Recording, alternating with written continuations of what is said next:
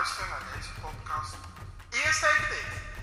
Stichting Village Generation probeert met een geweldig team jou de tools te geven om jouw dromen te ontdekken, te bereiken en te leven op een angstvrije en gezonde manier, ondanks de omstandigheden in jouw leven.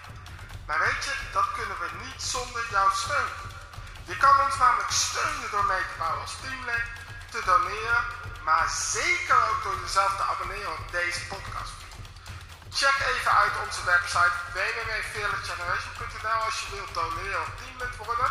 Maar voor nu, abonneer jezelf nu meteen even op deze podcast.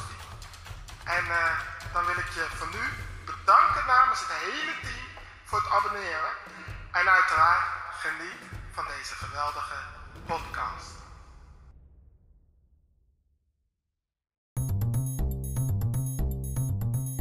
Ik ben Ricardo Kok en heb als missie om jou te inspireren, motiveren en te ondersteunen om jouw persoonlijke dromen te ontdekken en uit te leven, zodat jij een positieve impact kan hebben op jouw omgeving, op de maatschappij en daarmee de wereld.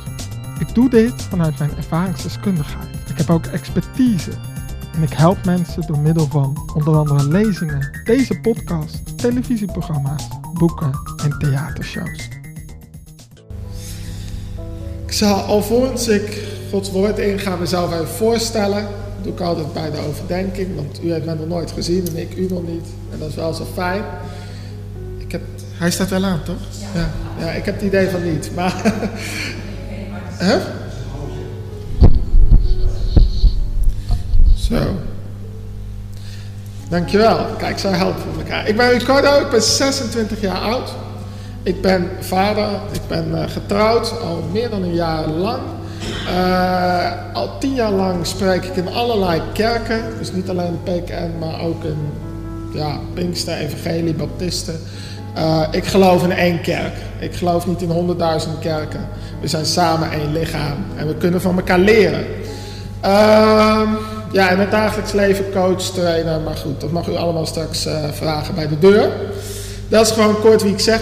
Wat ik wel altijd even benoem de laatste tijd, wat ik zelf heb ontdekt, is, ik, ja, ik ben uh, een, een Hebreeën 4 vers 12. Uh, ik weet niet of u weet wat daar staat, maar er staat het woord is, uh, als een tweesnijdend zwaard. En het scherpt merg en been, het, het snijdt dat. Om het even heel kort in mijn taal te zeggen. En soms ben ik wat radicaal en soms is dat ook nodig. Want we komen hier niet om even een nootje te eten, maar we komen hier omdat we veranderd willen worden naar het beeld van Christus. En weet je, ik heb ontdekt dat naar de kerk gaan hoeft niet altijd leuk te zijn. Uh, want als alles leuk is, verander je niet. Je verandert in het vuur, je verandert in, in de diepte van het leven. En dat is soms gewoon nodig. Maar laat één ding duidelijk zijn, ik ben uw vriend hier. Ik ben hier niet om u naar beneden te halen, ik ben hier om u te helpen. Ik ben wat anders, ik ben wat drukker, ik ben wat enthousiaster. Ik, ik zeg ook wel eens, ik ben de ADHD-predikant. Nou, als u daar wat minder van houdt, volgende week ben ik er niet meer. Dus dan weet u dat. Hey, voordat ik begin, even een vraag. Hè. Wie is de je vader? Mag ik handen zien? Oké. Okay. Nou, laten we de vaders even een applaus geven, het is vaderdag. Eigenlijk moet ik dan niet meeklappen, maar... Het vandaag ook hebben over eigenlijk de ultieme vader. En dat is God. Weet je, als we het hebben over vaderdag, dan hebben we het heel vaak over de aardse vader. Maar weet je, wij als aardse vaders, en sorry voor de moeders vandaag, maar ik geloof dat dit een boodschap is die ook voor de moeders belangrijk kan zijn, en bijzonder voor de vaders. Maar wij als vaders zijn gemaakt om God te representeren. Dus zoals God is, moeten wij ook zijn. Maar ja, weet je, hier zou het natuurlijk anders zijn, dit is de perfecte kerk. Maar als ik in de wereld buiten kijk, vaders zijn niet meer wat vaders horen te zijn. Vaders zijn niet meer die liefdevolle vader. Vaders rennen weg als ze een kind krijgen. Vaders, nou, noem het maar op. Om allerlei oorzaken, daar ga ik u niet mee vermoeien. Maar vaders zijn eigenlijk hun vaderschap kwijt. Wat Malachi zegt, weet je, in de eindtijd zullen vaders weer terugkeren naar de kinderen. Maar ja, en de kinderen weer naar hun vaders. Maar ja, daarvoor zullen de vaders eerst van hun kinderen weg moeten gaan. Anders kan je niet terugkeren. Weet je, dus we leven in een tijd waarin het vaderschap niet meer de rol heeft zoals dat oorspronkelijk vanuit God bedoeld werd.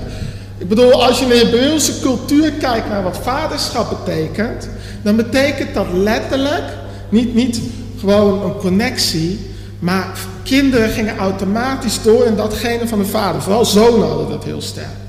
Die deden exact van de vader. Jezus werd ook genoemd de zoon van Jozef de Timmerman.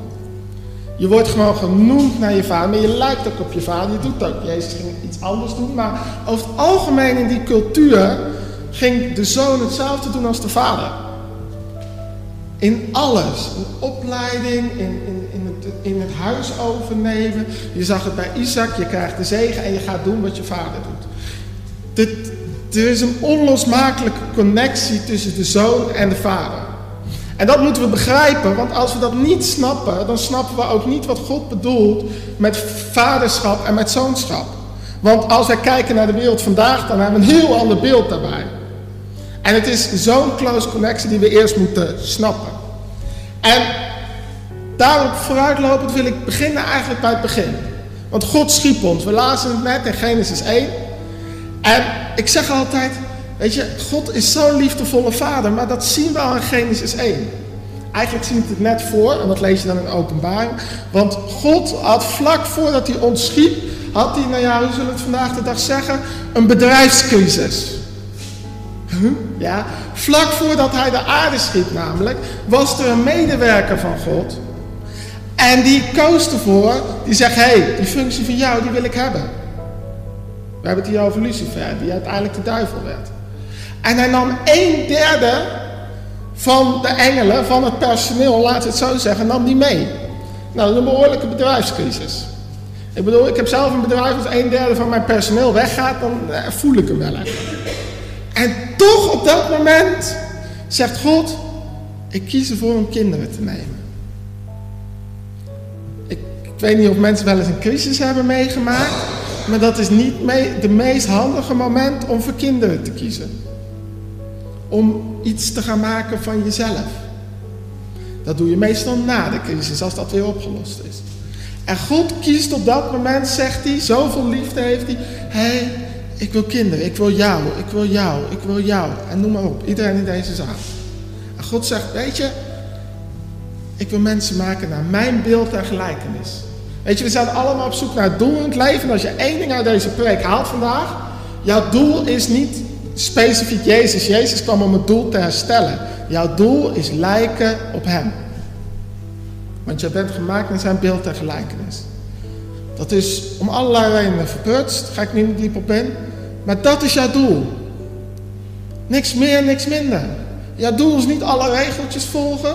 Jouw doel is lijken op hem. En wanneer lijk je op hem? Wat, wat deed Adam in het paradijs constant?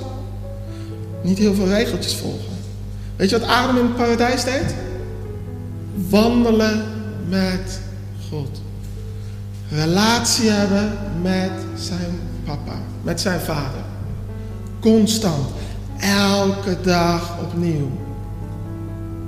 Dus dat is het eerste wat, wat we moeten begrijpen. Dat we gemaakt zijn naar zijn beeld en gelijkenis. Net zoals dat jouw kind, en spreekt maar tot vader, maar ook de moeders uiteraard. Maar jouw kind is gemaakt naar jouw beeld en gelijkenis. Het heeft 50% van papa en 50% van mama. Er is geen kind dat 100% papa heeft of 100% mama heeft.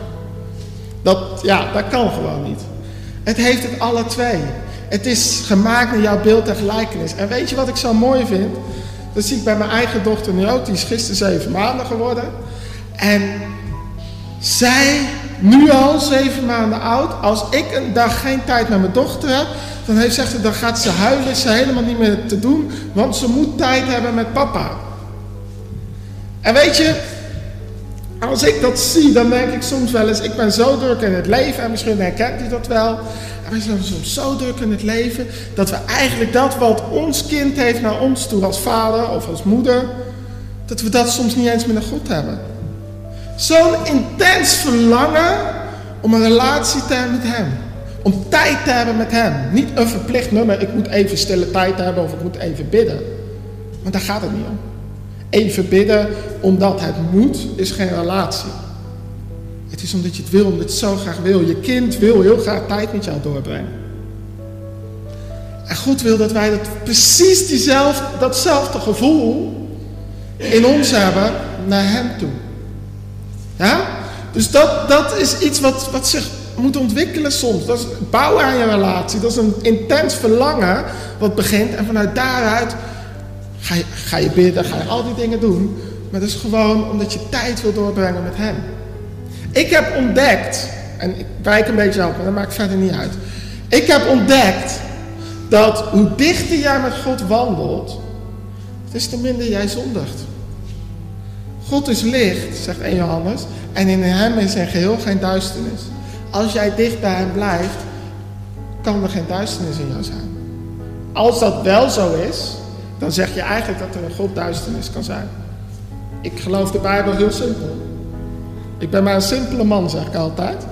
Ik ben helemaal niet beter dan u, daarom sta ik hier en daar. En niet daar. Ik ben gewoon simpel, net als u. En de Bijbel is heel simpel. God is licht en in hem is in geheel geen duisternis. De kunst is dieper en dieper te gaan wandelen met hem. Hem dieper en dieper te leren kennen. Misschien kent u wel Johannes 3 vers 16. Want al zo lief heeft God de wereld gehad, zodat hij zijn enige geboren zoon gegeven heeft, opdat ieder die in hem gelooft niet verloren gaat, maar eeuwig leven heeft. Als ik nu op de man vraag, en ik, heb best, ik ga het nu niet doen hoor, maakt u zich geen zorgen. Maar als ik nu op de man zou vragen, wat is eeuwig leven? Dan zeggen mensen naar de hemel gaan, al dat soort dingen. Theologen hebben hele discussies over. Nou, ik zeg laatst tegen een theoloog, ik zeg luister, lees de Bijbel eens door. Weet je wat in Johannes 17 vers 3 staat? Dit nu is het eeuwig leven. Dubbele punt. Nou, duidelijker kan niet. Soms dan staan er onduidelijkheden, maar duidelijker kan niet. Dit nu is het eeuwig leven, dubbele punt. Jezus gaat hem zelf uitleggen. Dat zij u kennen, de enige waarachtige God en hem die gij gezonden hebt. Kennen, iemand kennen, heeft alles te maken met relatie. Iemand leren kennen. Als, ik hoop, als je een tijd getrouwd bent, dat je je man of vrouw kent. Of deels kent. Nooit 100%, maar je wil iemand kennen. Je wil, maar hoe doe je dat? Niet als de een uh, 16 straten verder, want jij hier en je ziet elkaar nooit. Dan leer je iemand niet kennen. Dat doe je dat je investeert, tijd investeert. Je wil ook tijd investeren, want je houdt van die persoon. Je, je investeert geld, je investeert, nou weet ik veel wat allemaal. Dat investeer je allemaal omdat je die persoon wil leren kennen. God heeft alles geïnvesteerd in u. Had een bedrijfscrisis, hij maakt u. Nou, dat is heel veel investering, dat is één. Nou, dan gebeurt er wat. Nou, de relatie een beetje gebroken. Je kunt zeggen, wij zijn, nou laten we het menselijk maken, vreemd gegaan. Ja? En God investeert zijn eigen zoon in u om die relatie weer compleet te maken. Hij investeert alles. En wat investeert u dan? Bent u bereid om te investeren? Niet ja, nee, maar moet ik weer? Nee. Als u moet, dan mag u voor mij opstaan en gaan, want daarvoor zijn we hier niet. Het is geen moeten, het is een willen. Weet je? We hebben eeuwenlang, hebben, hebben, net zoals de fariseeën soms geleefd in de kerk, we moeten, we moeten, we moeten. Maar weet je wat het verschil is tussen christen zijn en moslim zijn en boeddhist zijn? We beginnen bij een relatie. En een relatie draait om willen. Al die geloven hebben regeltjes. Je moet dit, je moet dat, je moet zus, je moet zo. Maar wij kennen iets diepers. En dat is een relatie met God. Dat is een willen. Wil je? En als je niet wil, ja weet je, dan zit u je tijd te verdoen. Ik ben misschien heel hard met u nu, maar het gaat mij niet om dat kerken honderdduizend mensen hebben. Het gaat maar om dat er mensen zijn die willen. Die hé, hey, ik wil mijn tijd investeren voor God. Want ik wil hem leren kennen. Ik wil mijn geld investeren voor God. Ik weet het, Nederlanders, ik mag niet over geld praten. Maar ik wil mijn geld investeren in God, want hij is het waard. Ik wil mijn... Vul maar in wat je moet investeren soms. Weet je, Jezus heeft het er constant over. Matthäus 10. Zegt hij heel, heel, ja, best wel nuchter eigenlijk. Joh, luister, als jij je vrouw, je man niet achter je laat, dan ben je mij niet waard. Bedoelt hij dan dat je nu je man of vrouw moet achterlaten? Nou, gelukkig niet. Dus wees gerust. Maar hij bedoelt wel, stel nou dat het tot de keus komt. Ga je voor je relatie met God of ga je voor je relatie met je vrouw of met je man? Wie kies je dan? Wie kies je dan? We zijn heel snel geneigd om te zeggen God. Maar is dat echt zo? Ja, ik moet mijn auto wegdoen of ik moet voor God kiezen. Mijn auto of God? Voor de mannen onder ons. Voetbal of God? Soms is voetbal God geworden. Ik zeg niet dat voetbal verkeerd is, hè? Maar wie staat op de eerste plek? Wie wil je dienen? Niet wie moet je dienen, wie wil je dienen? Blijf benadrukken op die willen. Jezus zegt, je kunt geen twee heren dienen. Maar wie wil je dienen? Met wie wil je in een relatie staan? Van wie hou je nou werkelijk? Ik bedoel, even een vraag. Zijn er je, ik ga het even aan de mannen vragen, maar vrouwen mogen ook. Ik vraag hem even de mannen voor oké? Zijn er je mannen die vroeger wel eens, toen ze jong waren, ja, ik, ik, misschien wel eens verliefd zijn geweest op twee meisjes tegelijk? Zijn die mannen? Ja? Oké. Op een gegeven moment, misschien is dat wel gebeurd. Nou ja, ik, ik ken het zelf wel.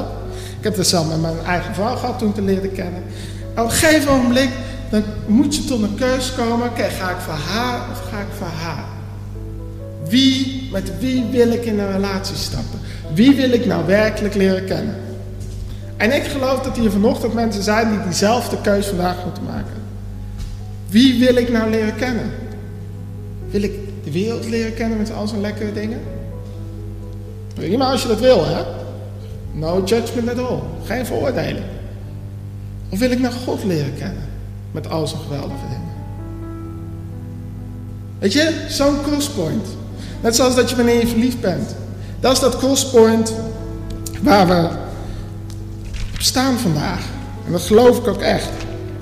Maar goed, even terug naar de preek. God heeft ons gemaakt naar zijn beeld en gelijkenis. Op een gegeven moment, we hebben het verputst, u kent het verhaal, de boom van kennis van goed en kwaad. Jezus kwam in de wereld en toen dachten we, nou ja, eigenlijk dachten we niet heel veel. Ik bedoel, lees de Bijbel. Er waren heel weinig die dachten, dit is het. De, de meeste mensen dachten, dit is het niet. Zelfs Petrus, toen Jezus net stierf, ging weer vissen. Nou, Petrus had het zelf niet begrepen. Vandaag de dag, wij begrijpen, vaak ook niet wat er toen gebeurd is. Petrus ging weer vissen. Als Petrus het had begrepen, dan had hij op het moment dat Jezus stierf, had hij gezegd glorie. Waarom? Hij had begrepen wat er toen gebeurd was. Nee, hij ging weer vissen. Nee, dit ding werkt niet, ik ga vissen. Ja? Maar wat is er dan werkelijk gebeurd? En dat staat in Romeinen 8. Wat er op dat moment werkelijk gebeurd is, is eigenlijk dat we weer kinderen van God zijn geworden. Romeinen 8 zegt het zo mooi. Weet je, we zijn niet weer in de slavernij gekomen van de zonde en al die rare dingen. Maar we zijn, we zijn in de vrijheid van God gekomen. We hebben een geest ontvangen in ons die zegt Abba vader. Ik weet niet of u weet wat Abba betekent, maar Abba betekent in het Hebreeuws gewoon ook papa of vader. Eigenlijk staat er vader, vader. En weet je, 9 van de 10 keer als Jezus iets twee keer zegt, of als de Bijbel iets twee keer achter elkaar zegt, is het heel belangrijk. Je ziet het in de evangelie, als iets belangrijk is, zegt hij voorwaar, voorwaar. Hier staat dan vader, vader. Dit is belangrijk. Als je die vader-zoon relatie niet snapt, niet pakt, dan is dit hele boek met al zijn geweldige dingen, is, ja, het is maar een boek van regeltjes. Maar dit is geen boek van regeltjes, het heet testament. Hè? Weet je wat een testament betekent? Gewoon taalkundig Nederlands, wilsbeschikking. Dit is Gods wil. Dit is niet Gods regelboek of Gods wet, het is Gods wil is zijn beschikking van zijn wil. En deze wil van God is van kracht geworden. Wanneer wordt een testament van kracht? Wie? Iemand? Hm? Als iemand sterft, toch? Jezus is gestorven, toch? Deze wil van God is van kracht met al zijn beloftes erin. Er staan niet alleen regeltjes in. Er staan meer beloften in dan dat er regels in staan al zijn belofte erin, zegt hij, luister, jij bent mijn kind, dit is jouw erfenis, alsjeblieft.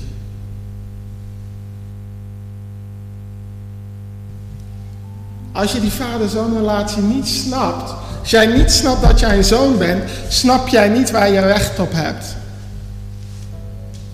Een erfgenaam heeft rechten. Wij zijn mede-erfgenaam met Christus. Wij hebben rechten. Ja, ik kan ook over de plichten praten, maar dat doe ik vandaag bewust niet. Ik heb het nu even over de rechten. We hebben rechten. Ik, ja, misschien ga ik dit zeggen, misschien, weet je, ik ga het gewoon doen. Ik weet dat het in de PKN een heel moeilijk onderwerp is, maar ik ga het toch gewoon zeggen. Weet je, wij hebben het recht op genezing. Oh nee. Is, dat verboden woord hier? Ik, uh, in heel veel PKN-gemeenten wel. Als ik zeg genezing, daar hebben we recht op. Dus het ja, maar is niet meer voor deze tijd. Nou ja, ik kom veel in het buitenland. Ik kan je zeggen, het is voor deze tijd. Ik zie het in Nederland ook. Ja, maar waarom gebeurt het soms niet? Ja, dat weet ik niet. Ik ben God niet. Maar dat wil niet zeggen dat u er geen recht op heeft. Als ziekte, ik hoor wel eens mensen, en ik hoop niet dat ze hier zijn, perfecte kerk, uiteraard niet. Maar ik hoor wel eens mensen zeggen, ziekte is van God. Als ziekte van God is, waarom gaat u dan naar de dokter? Ja, dan gaat u in tegen de wil van God. Dan moet u zeggen, dokter, van mij blijft u af. Ik wil geen pilletjes. Deze ziekte is een zegen van God. Zeggen we niet, toch? Of dan moet je naar je predikant gaan en zeggen, hey, wilt u, wilt u ziekenhuiszalfolie op me leggen? En wilt u zeggen, geef me nog wat extra ziekte, geef me wat extra zegen? Dat is toch krom? Ja, maar waarom gebeurt het dan niet? Ja, weet je, ik ken niet allemaal om vragen. Je mag straks naar hemel vragen. Maar dat wil niet zeggen dat het geen recht is. Handelingen 10, vers 38. Jezus ging rond, weldoende. En hij genas alle zieken die verdrukt waren door de duivel. Alle. Is nog steeds zo. Maar we moeten het gaan geloven. We moeten snappen waar we recht op hebben. We zijn zonen. We hebben een zoonschap. We zijn geen slaven. We zijn geen toevallige voorbijgangers. We zijn zonen.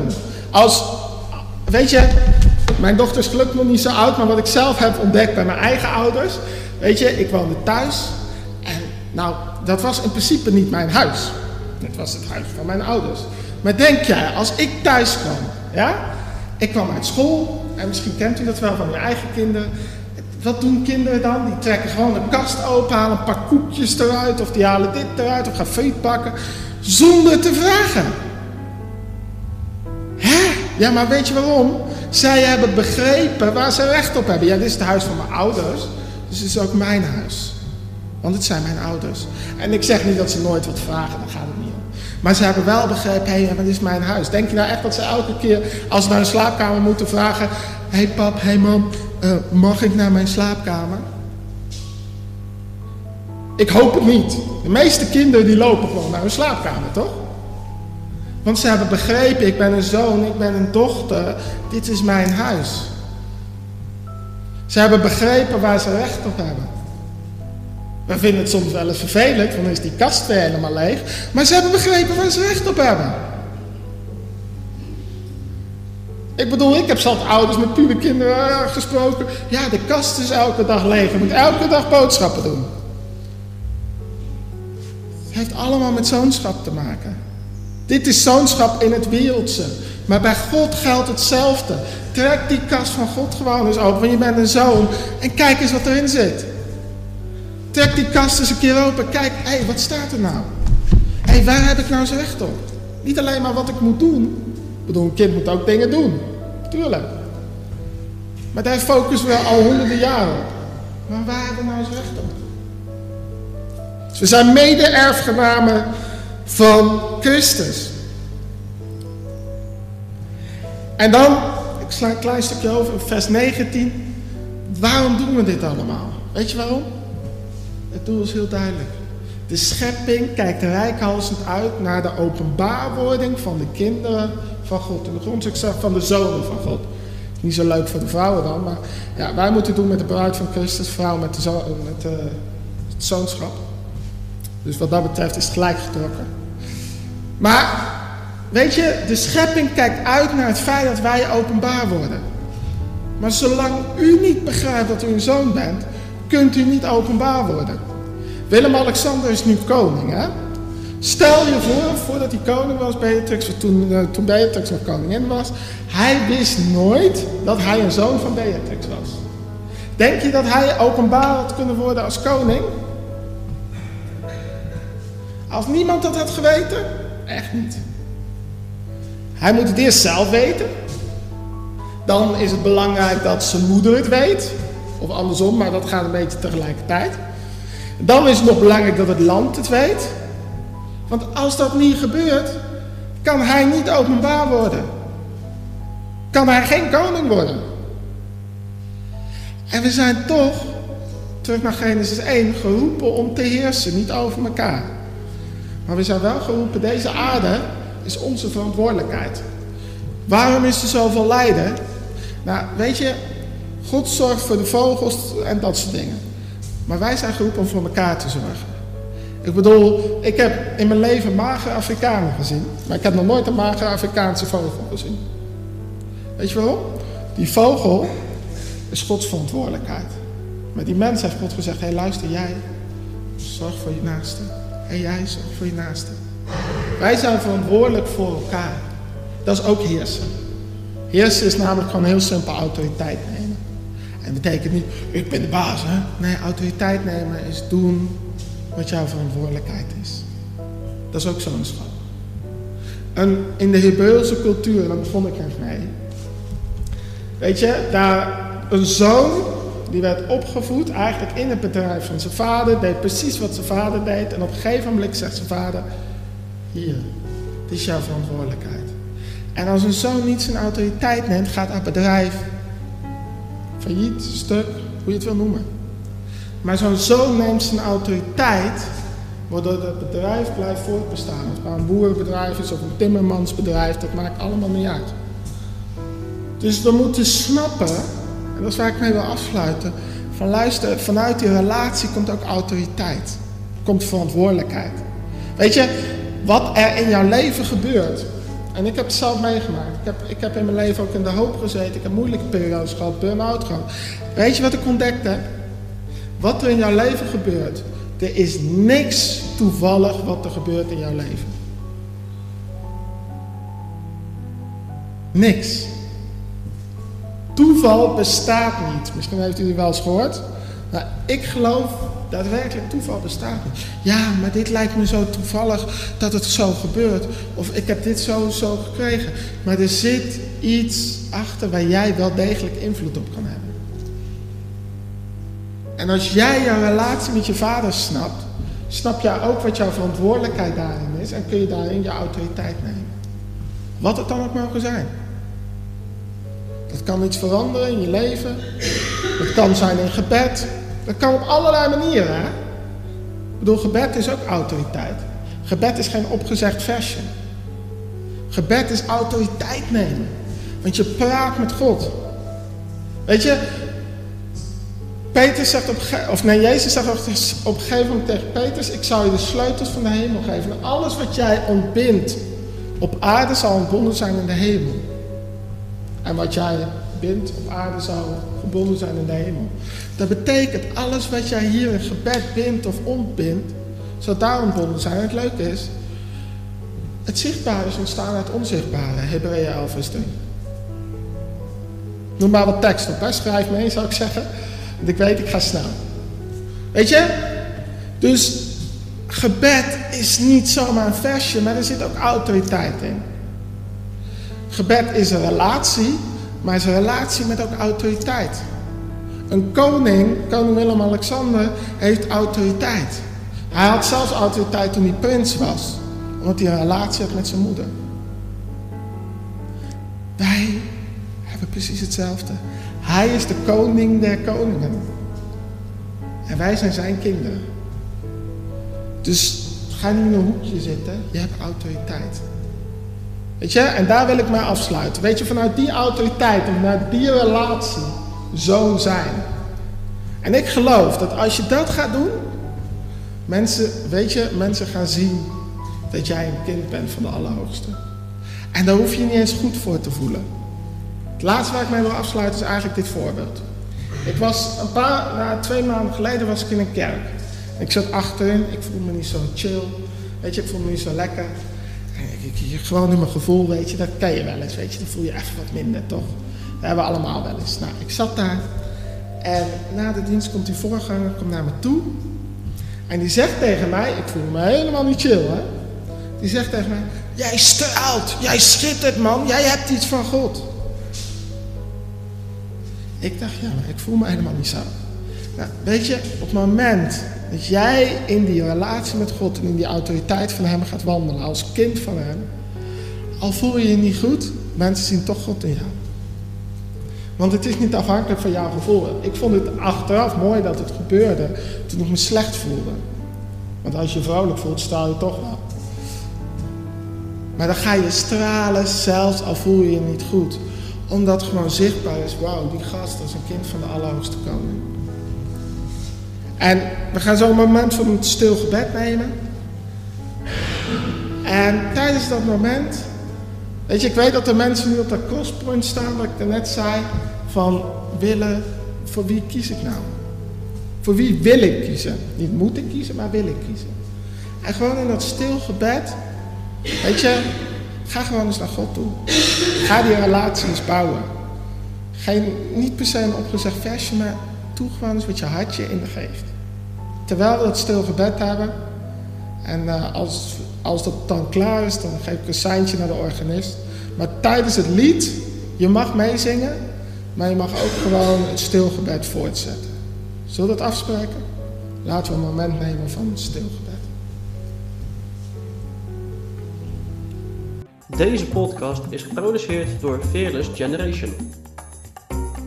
We hebben geprobeerd om alle rechthebbenden te benoemen in deze aflevering. Wil je meer content zien, lezen of horen? Of wil je contact opnemen?